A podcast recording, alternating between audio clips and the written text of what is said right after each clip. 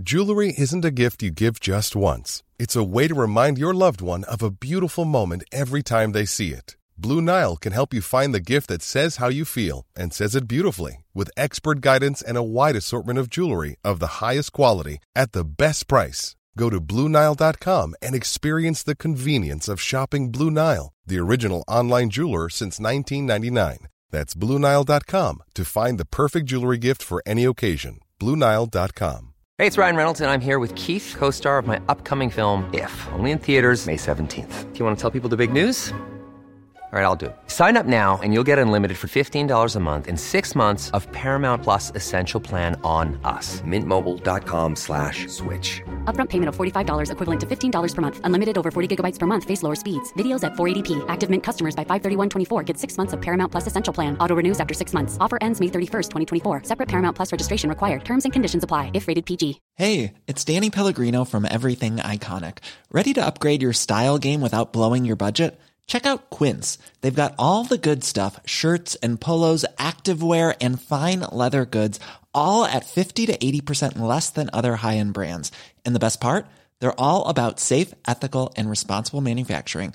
Get that luxury vibe without the luxury price tag. Hit up quince.com slash upgrade for free shipping and 365 day returns on your next order. That's quince.com slash upgrade. Vi måste börja prata om det här.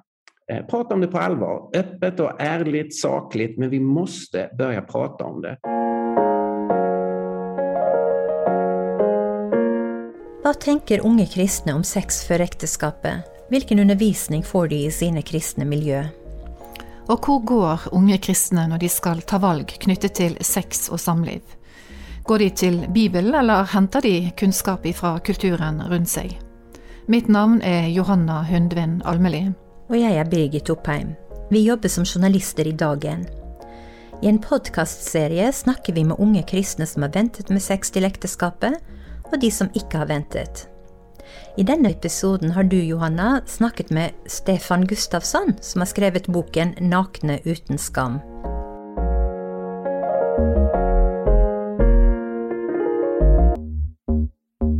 Du sier at eh, ingen er tjent eh, med at den kristne kirken forholder seg taus om temaet. Hvorfor undervises det så lite om sex og samliv i kristne sammenhenger? Ja, det behöver vi, den frågan behöver vi verkligen ställa oss. Eh, varför är det så förhållandevis tyst?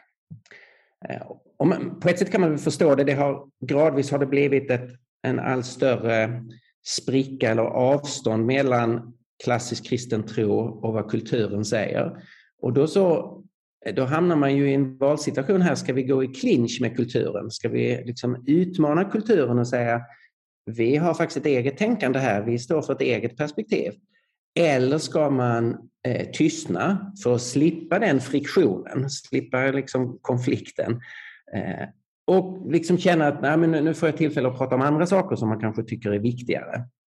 Eh, och, och, jag, kan förstå den, eh, jag kan förstå den känslan liksom och det valet man gör, men det som blir konsekvensen är ju att om man tystnar i den här frågan eller i de här frågorna, när kulturen hela tiden pratar om dem och framför sitt perspektiv, så innebär det ju att på mycket kort tid så kommer nästa generation av kristna att oreflekterat ta över kulturens sätt att se på det. Eh, och så finns det inte längre ett distinkt kristet sätt. Så här står ju församlingen i en, eh, en väldigt viktig eh, valsituation. Om man tystnar så är det detsamma som att man säger ja till vad kulturen säger i de här frågorna. Och det andra alternativet är vi måste börja prata om det här. Eh, prata om det på allvar, öppet och ärligt, sakligt, men vi måste börja prata om det. Hur, hur ska vi som tror att det finns en skapargud och som tror att Gud har talat till oss i, i Bibeln, hur ska vi tänka om de här frågorna?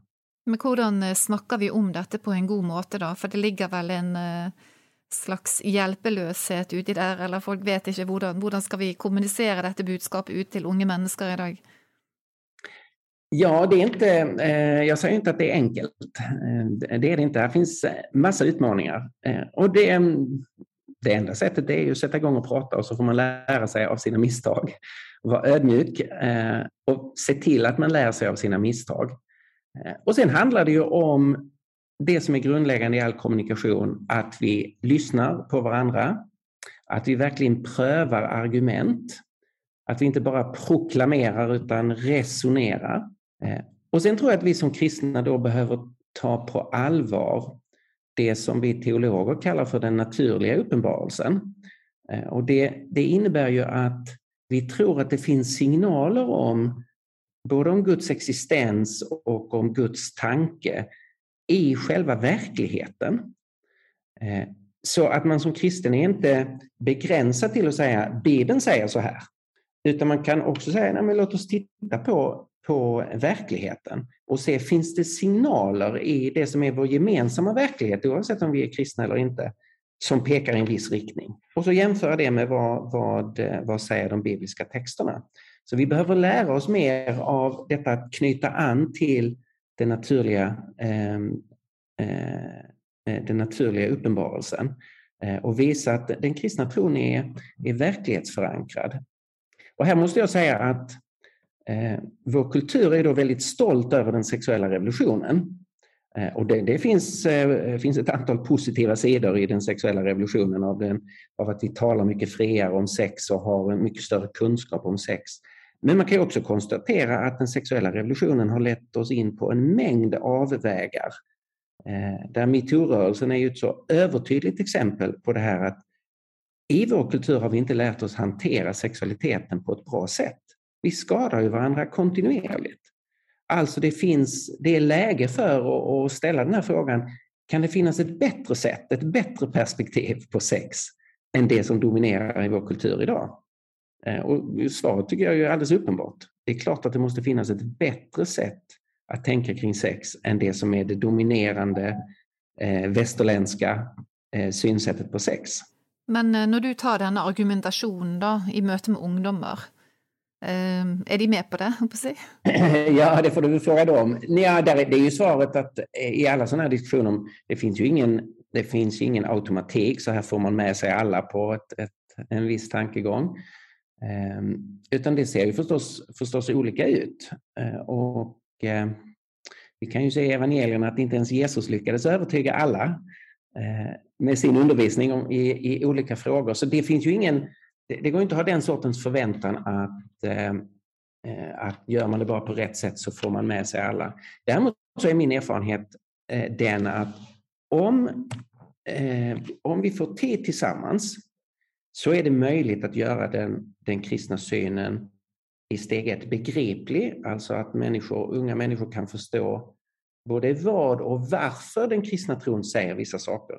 Och det är fullt möjligt att se människor som från början har köpt den vanliga sekulära synen på sex faktiskt eh, gradvis ändra uppfattning och börja bejaka ett, ehm, eh, ett kristet perspektiv.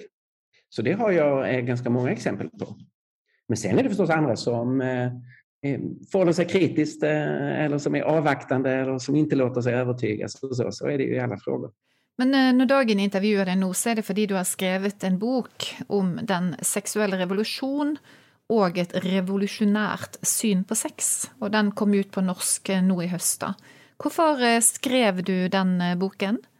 Det finns, det finns flera goda anledningar till det. Dels därför att frågan om sexualitet i alla tider har varit en viktig fråga. Vi människor är kroppsliga, fysiska, sexuella relationsvarelser och frågan om hur man ska förstå sig själv och förstå sexualitet eh, och så är ju en, eh, en eh, tidlös fråga. Men sen är det också så att vår kultur är en kultur som har genomgått en enormt drastisk förändring i synen på de här frågorna. Det som kallas för den sexuella revolutionen, som har ganska långa historiska rötter men som ju har fått fullt genomslag i vår kultur sedan 60-talet och 1960-talet och framåt. Eh, och det gör ju att frågan om eh, sexualitet är en, en väldigt brännande fråga i vår tid. Eh, så det finns ganska många, många anledningar till att, tycker jag, föra samtal kring sexualitet. Och det är också en, en fråga som, som kristen tro alltid har, eh, har adresserat. Och det är ju naturligt om det finns en Gud som har skapat oss eh, så finns det ju intresse av att, av att kunna förstå, har Gud haft en tanke med den här sidan av livet? Och i så fall, vad var den tanken?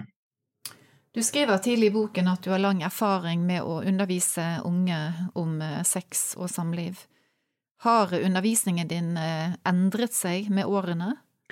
Ja, det har det verkligen gjort. Inte, inte så mycket till, eh, till övertygelse, så att säga, men till, till formen. Därför att eh, vår tid ställer många nya frågor. Saker och ting som var ganska självklara, åtminstone för de som kommer från en kristen bakgrund, eh, är inte alls eh, självklara längre. Eh, så därför så har ju eh, sättet att undervisa på och inte minst eh, långsamheten i att eh, vad ska man säga, processa de här frågorna. Eh, man måste man måste lyssna mycket mer på varandra, man måste samtala och processa. Hur ska vi egentligen förstå det här? Så på det sättet har, ehm, har min, min undervisning och min attityd förändrats en hel del. Men vad är det som inte är självsagt längre då? Och som var det tidigare? Eh, massor med saker. Det, det mest uppenbara är ju den utveckling vi har haft de eh, kanske senaste decenniet med eh, med frågan om människans kroppsliga sida, hur det förhåller sig till vår, till vår identitet. Alltså om vi har en mans kropp, betyder, vi, betyder det att vi är en man? Vilket ju har varit självklart för nästan alla människor tidigare.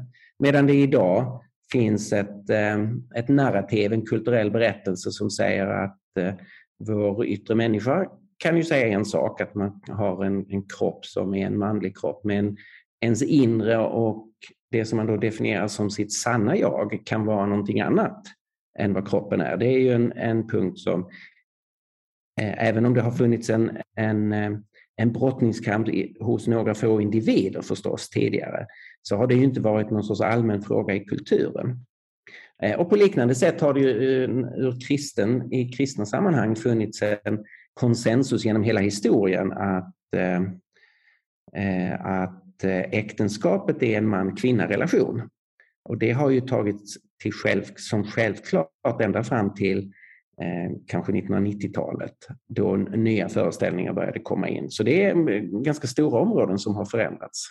Men vilka ändringar ser du bland de du undervisar? Det kan, vara, det kan vara många olika slags ändringar. Alltså det kan ju handla om att människor har ändrat uppfattning i en, i en, en, en specifik fråga. Alltså hur ser man på, på, eh, eh, på eh, Eh, homofil samlevnad eller hur ser man på sambo eller hur ser man på, på eh, pornografi eller, eller så med en, en avgränsad fråga. Men det kan, kan ju också vara mycket större frågor som eh, eh, finns det någonting som är objektivt rätt? Eh, och som man kan, liksom borde försöka komma fram till. Vad, vad är det som är det riktiga sättet att tänka om sexualitet? Eller är det så att det här är ett område som är helt subjektivt? Som är helt fritt, där vi var och en konstruerar vilka värderingar vi vill ha, vilka perspektiv vi, vi vill ha. Eh, och det är ju, är ju ändå en en, en mycket större bakomliggande fråga om man är relativist där allting flyter och därmed man kan ta vilken ställning som helst i de, lokala, i de eh, specifika frågeställningarna. Eh, så, så det, det, är liksom förändringar på, eh, på flera olika plan. För en kristen så kommer ju frågan om vilken sorts, eh, vilken sorts tyngd har bibliska texterna? där det tidigare med större självklarhet i ett kristet sammanhang att man gav tyngd åt den bibliska undervisningen. Medan det idag hos väldigt många människor som identifierar sig som kristna så har bibelordet, bibeltexten har förlorat i tyngd eller förlorat i auktoritet. Så det är en annan sån här ganska stor eh, förändring. Ehm, eh, och det, sådana, såna saker finns ju ofta då i, i bakgrunden. Vad är min syn på sanning? Tror jag att det finns en objektiv sanning? Vad är min syn på bibelordet? Tror jag att det finns någon sorts för, förblivande och förpliktigande auktoritet i bibelordet eller inte? Eh, och det där påverkar sen vad tänker jag om enskilda frågeställningar. Eh, men den kristna fortellingen om sex begynner i eh, skapelsesfortellingen inte i syndefallsberättningen. Alltså, vilken betydning har det för vår förståelse av eh, Bibels syn på sex? Det är, en jätteviktig, eh, det är en jätteviktigt faktum att, eh, eh, att vår existens som, man, som män och kvinnor börjar ju på Bibelns första blad i Första Mosebok kapitel 1. Att Gud skapar oss till manligt och kvinnligt. Vi skapades som människor till Guds avbild och så finns vi i två versioner, manligt och kvinnligt. Och så har vi uppdraget att föröka oss och uppfylla jorden. Så där finns ju från början tankegången på manligt och kvinnligt och hur vi tillsammans har fått uppdraget att föra livet vidare. Så eh, den sidan av sexualiteten är betonad i kapitel 1 med fortplantningen, att vi får vara Guds medskapare. Och sen i kapitel 2, vilket ju också innan syndafallet, finns det ju en, en, eh, en underbar text om eh, hur Gud skapar mannen och sen hur Gud skapar kvinnan och hur Gud för samman mannen och kvinnan. Och där sägs då ingenting om fortplantning, utan där är det enhetsaspekten i, i sexualiteten som betonas. Hur man och kvinna ska eh, överlåta sig åt varandra och bli ett kött. Eh, ska bli en kropp. Så Bibeln har en väldigt rik syn på sexualitet. Eh, eh, och det förläggs före syndafallet, att det är en del av den ursprungliga tankegången från Gud. Så sexualiteten är ju en eh, gåva ifrån Gud som han har gett till oss människor. Eh, men som han också då har gett ramar för. Liksom det finns en tankegång kring hur den här gåvan ska användas. Mm. Så i kyrkans historia finns ju sen exempel på hur man har känt sig främmande för det här och, och tänkt sig att, um, att före syndafallet så hade människorna eh, Eh, hade man inte sex därför att det, man har tänkt att det var, var smutsigt på något sätt. Men en sån tankegång har absolut ingenting med, med, eh, med kristen tro att göra. Utan det har varit kristna som är influerade av andra tanke, tankesystem som då ser ner på kropp och sexualitet. Men det gör inte kristen tro.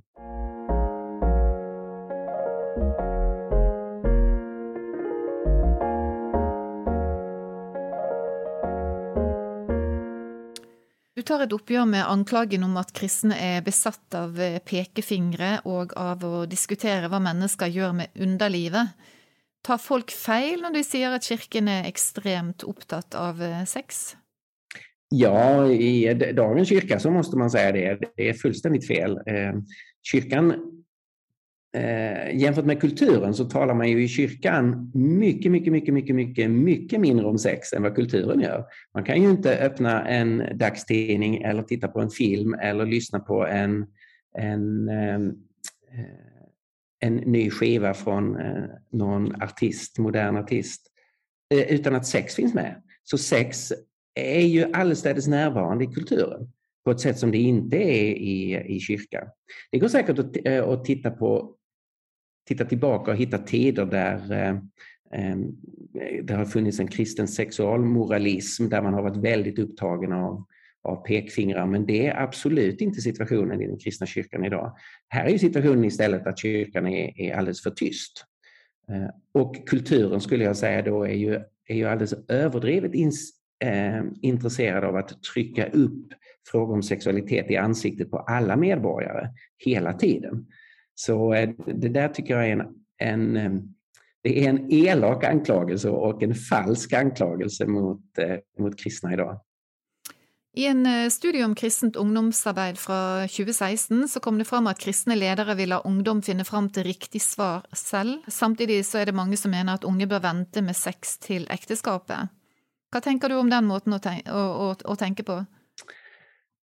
Här är en, det är en balans här. Det är en, det är en del av, av den tidsanda och den kultur som vi har idag att man eh, man, vill, man har inte stort förtroende för auktoriteter. Man vill inte köpa svar uppifrån. Man sväljer inte någonting bara för att en, en lärare eller en präst eller pastor eller kristen ledare säger någonting, utan man har ett, ett behov av att, eh, av att själv få upptäcka, själv få förstå och själv ta in eh, olika perspektiv. Och det, Eh, vi behöver ta det på allvar. Det är så vår kultur fungerar. Vi kan tycka vad vi vill om det, men det är ett faktum att så fungerar kulturen. Men det, det, betyder ju inte att den kristna kyrkan därmed måste ge upp alla övertygelser och säga nu blir det upp till var och en att själv eh, hitta fram, liksom, eh, lycka till och navigera. Utan det här går ju att kombinera att den kristna församlingen, man har en viss övertygelse, man står för ett visst synsätt och samtidigt så kan man välja att vandra med människor och vägleda, hjälpa människor att upptäcka och förstå saker, men att man får göra det också i, i egen takt och så att säga under frihet.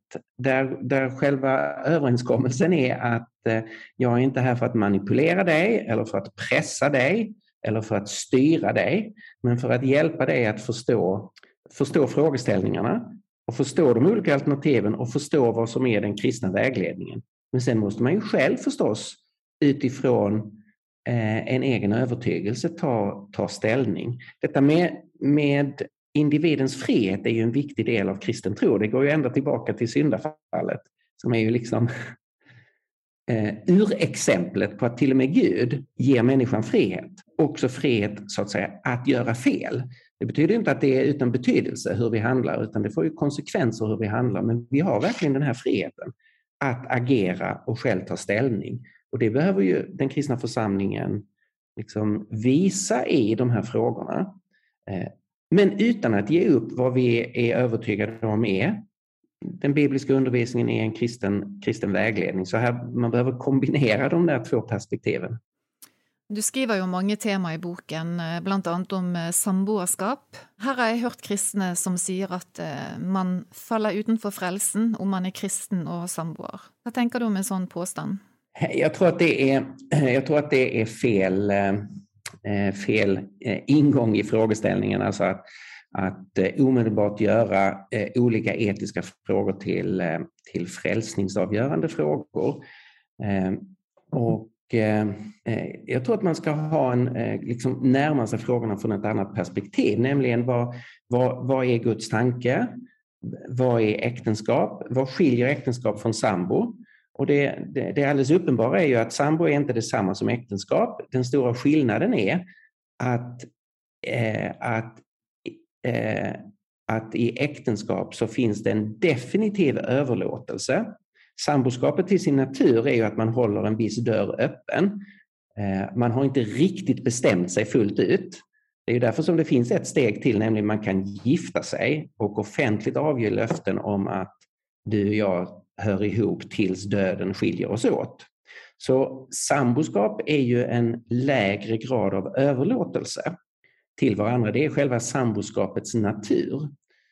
Eh, och då blir ju frågeställningen för den, eh, för den kristne, har Gud tänkt att den sexuella gemenskapen ska, ska uttryckas i en relation där man inte är fullt ut överlåten åt varandra? Alltså det som man är i äktenskapet.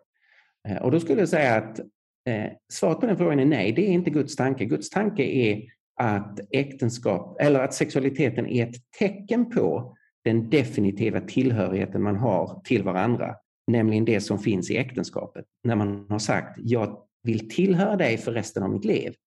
Och då uttrycker ju sexualiteten, då uttrycker vi med våra kroppar det som vi i vigseln har sagt med vår mun, att vi tillhör varandra. Och där finns då en skillnad att samboskap är ju en äktenskapsliknande samlevnadsform. Eh, men den är inte fullt ut ett äktenskap och motsvarar därför inte fullt ut det som Gud har tänkt. Så eh, istället för att diskutera det här utifrån ett frälsningsperspektiv så tycker jag att själva frågeställningen till den som är kristen och som lever i ett samboskap, den frågeställningen är så här. Om ni har bestämt er för varandra, varför gifter ni er inte? Om ni inte har bestämt er för varandra, varför lever ni då tillsammans som om ni var ett? Det finns så att säga en en inbyggd motsägelse eller inkonsekvens i samboskapet. Att man är ett utan att fullt ut ha bestämt sig för att vara ett. Och det är, den, det är den frågeställningen som jag tycker en kristen behöver fundera på, en kristen som eh, lever i samboskap. Eh, det är den frågeställningen man behöver fundera på. Du, eh, helt till slut, vad har man igen för att vänta med sex till äktenskapet? Man har ju det igen att eh, sexualiteten kan bli det här tecknet på eh, överlåtelsen. Eh, I ett äktenskap så fungerar ju, äktens, eh, så fungerar ju eh, det sexuella samlivet på det sättet att det är det unika som sker mellan, mellan mannen och hustrun. Det mesta annat som man som ett gift par gör tillsammans gör man ju på olika nivåer tillsammans med andra människor också. Eh, sexualiteten eh, är det unika, den unika hemligheten mellan mannen och kvinnan och det unika tecknet på att de hör ihop. Och därför så finns det en, en logik i att det tecknet används i den unika gemenskapen. I kulturen i, allmänhet idag så, eh, så har, funkar det ju så att människor mellan man är 15 och 25 Eh, om jag generaliserar så har man ett antal kärleksrelationer och ett antal av dem eh, är också sexuella. Man har eh, lite kortare eller lite längre sexuella relationer. Där då sexualiteten inte har någon liksom avgörande betydelse förutom att det är, liksom, ett positivt mervärde i, i stunden, det är eh, personligt tillfredsställande och, och, och, så. Och sen när man har träffat en som man verkligen vill dela med sitt liv med och gifter sig, så plötsligt så antar då sexualiteten en ny funktion. Det blir det unika tecknet på vår samhörighet. Och där sex med, någon, med en tredje part då innebär det yttersta hotet mot hela vår gemenskap. Otrohet leder ju ofta till skilsmässa. Det blir liksom en oreparerbar skada på äktenskapet. Och då, då är ju den, den, den kristna hållningen här, varför inte vara konsekvent? Alltså att se på sexualiteten på samma sätt hela tiden. Att det är det här tecknet på en fullständig överlåtelse. Eh, och det kan det bara vara om man använder sexualiteten inom äktenskapet. Det är bara där det kan vara tecknet på den fullständiga överlåtelsen. Använder man sexualiteten utanför den relationen så får sexualiteten med nödvändighet en, liksom en annan funktion. Och det blir en form av, av inkonsekvens här. Tusen takk, eh, Stefan, for eh, at eh, du ville delta i denne samtalen med Dagen. Ønsker deg lykke til. Ja. Ønsker deg lykke til videre med både undervisning og møte med unge mennesker.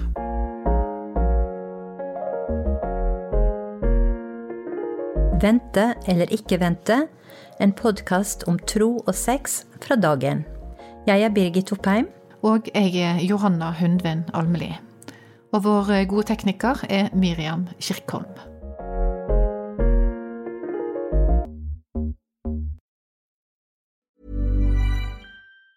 Hi, I'm Daniel, founder of Pretty Litter. Did you know cats tend to hide symptoms of sickness and pain? I learned this the hard way after losing my cat, Gingy. So I created Pretty Litter, a health monitoring litter that helps detect early signs of illness by changing colors, saving you money and potentially your cat's life. Pretty Litter is veterinarian developed, and it's the easiest way to keep tabs on your fur baby's health right at home. Go to prettylitter.com and use code ACAST for 20% off your first order and a free cat toy. Terms and conditions apply. See site for details. Planning for your next trip? Elevate your travel style with Quince. Quince has all the jet setting essentials you'll want for your next getaway, like European linen, premium luggage options, buttery soft Italian leather bags, and so much more. And is all priced at 50 to 80% less than similar brands. Plus, Quince only works with factories that use safe and ethical manufacturing practices. Pack your bags with high-quality essentials you'll be wearing for vacations to come with Quince. Go to quince.com/pack for free shipping and 365-day returns.